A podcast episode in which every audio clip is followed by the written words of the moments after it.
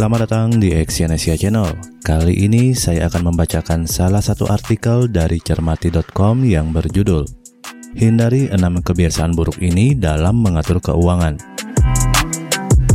Kunci dari hidup yang berkecukupan adalah pandai mengatur keuangan. Terdengar sederhana, namun tidak mudah dalam melakukannya. Mengatur keuangan sering kali menjadi akar masalah keuangan yang kamu alami selama ini. Semua yang kamu rencanakan terlihat sempurna, tapi selalu saja keuangan kamu tertekan. Mengapa demikian? Inilah jawabannya, yaitu karena secara sengaja atau tidak, kamu terbiasa melakukan kebiasaan buruk dalam mengatur keuangan.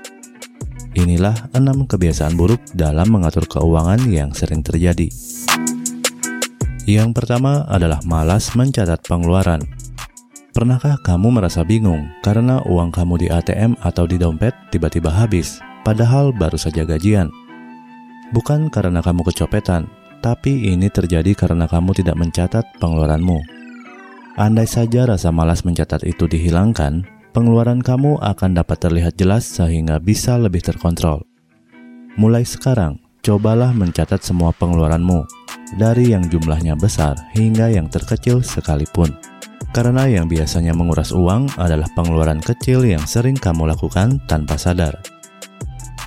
Yang kedua, tidak teliti dalam menggunakan kartu kredit. Syarat untuk memiliki kartu kredit semakin mudah saat ini. Bahkan, sering juga malah pihak bank yang mengejar kamu agar membuat kartu kredit. Dengan alasan tidak ada biaya administrasi seumur hidup, kamu langsung saja mengiyakan proses pembuatannya sehingga akhirnya kamu memiliki banyak kartu kredit. Ketika belanja menggunakan kartu kredit yang banyak itu, kamu akhirnya jadi lupa kapan jadwal pembayarannya.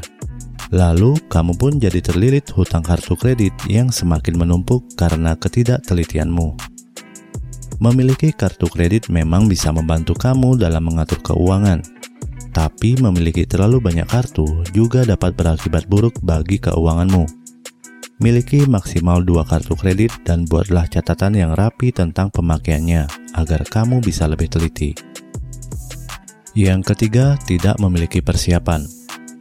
Banyak orang yang tidak memikirkan kondisi-kondisi darurat atau mendadak yang bisa terjadi kapan saja, seperti sakit, kecelakaan, atau kena tilang. Karena tidak memperhitungkan hal ini, kamu akan mengalami kesulitan ketika hal-hal darurat ini terjadi.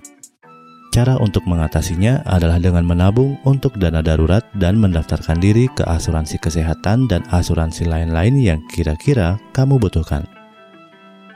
Yang keempat, kurang berpikir panjang. Dalam mengatur keuangan, kamu harus sebisa mungkin memikirkan kegunaannya di jangka yang panjang. Jangan membeli barang yang asal murah tapi cepat rusak, karena kamu akhirnya harus beli lagi dan lagi. Lebih baik keluarkan uang yang banyak namun hanya satu kali untuk jangka waktu yang lama.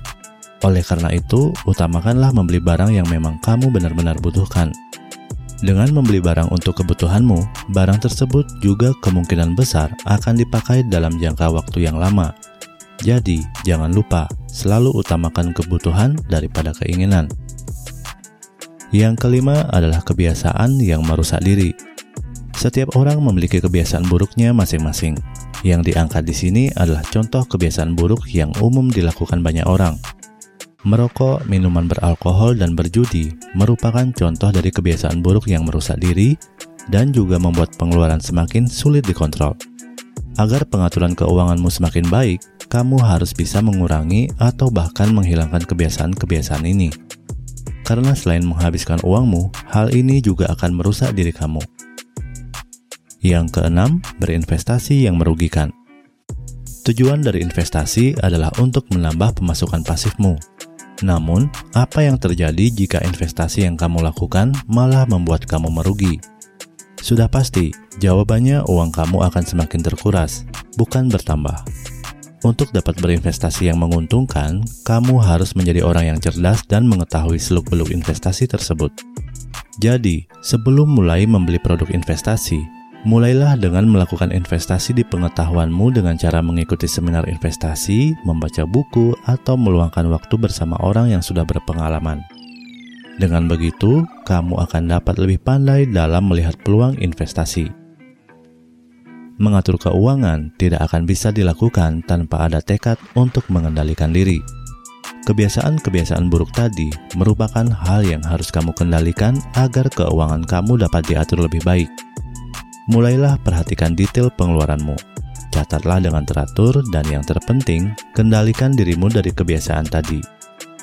Terima kasih telah mendengarkan audio artikel ini dan silakan cek link di bawah untuk membaca artikel yang saya bacakan ini di cermati.com. Salam sukses.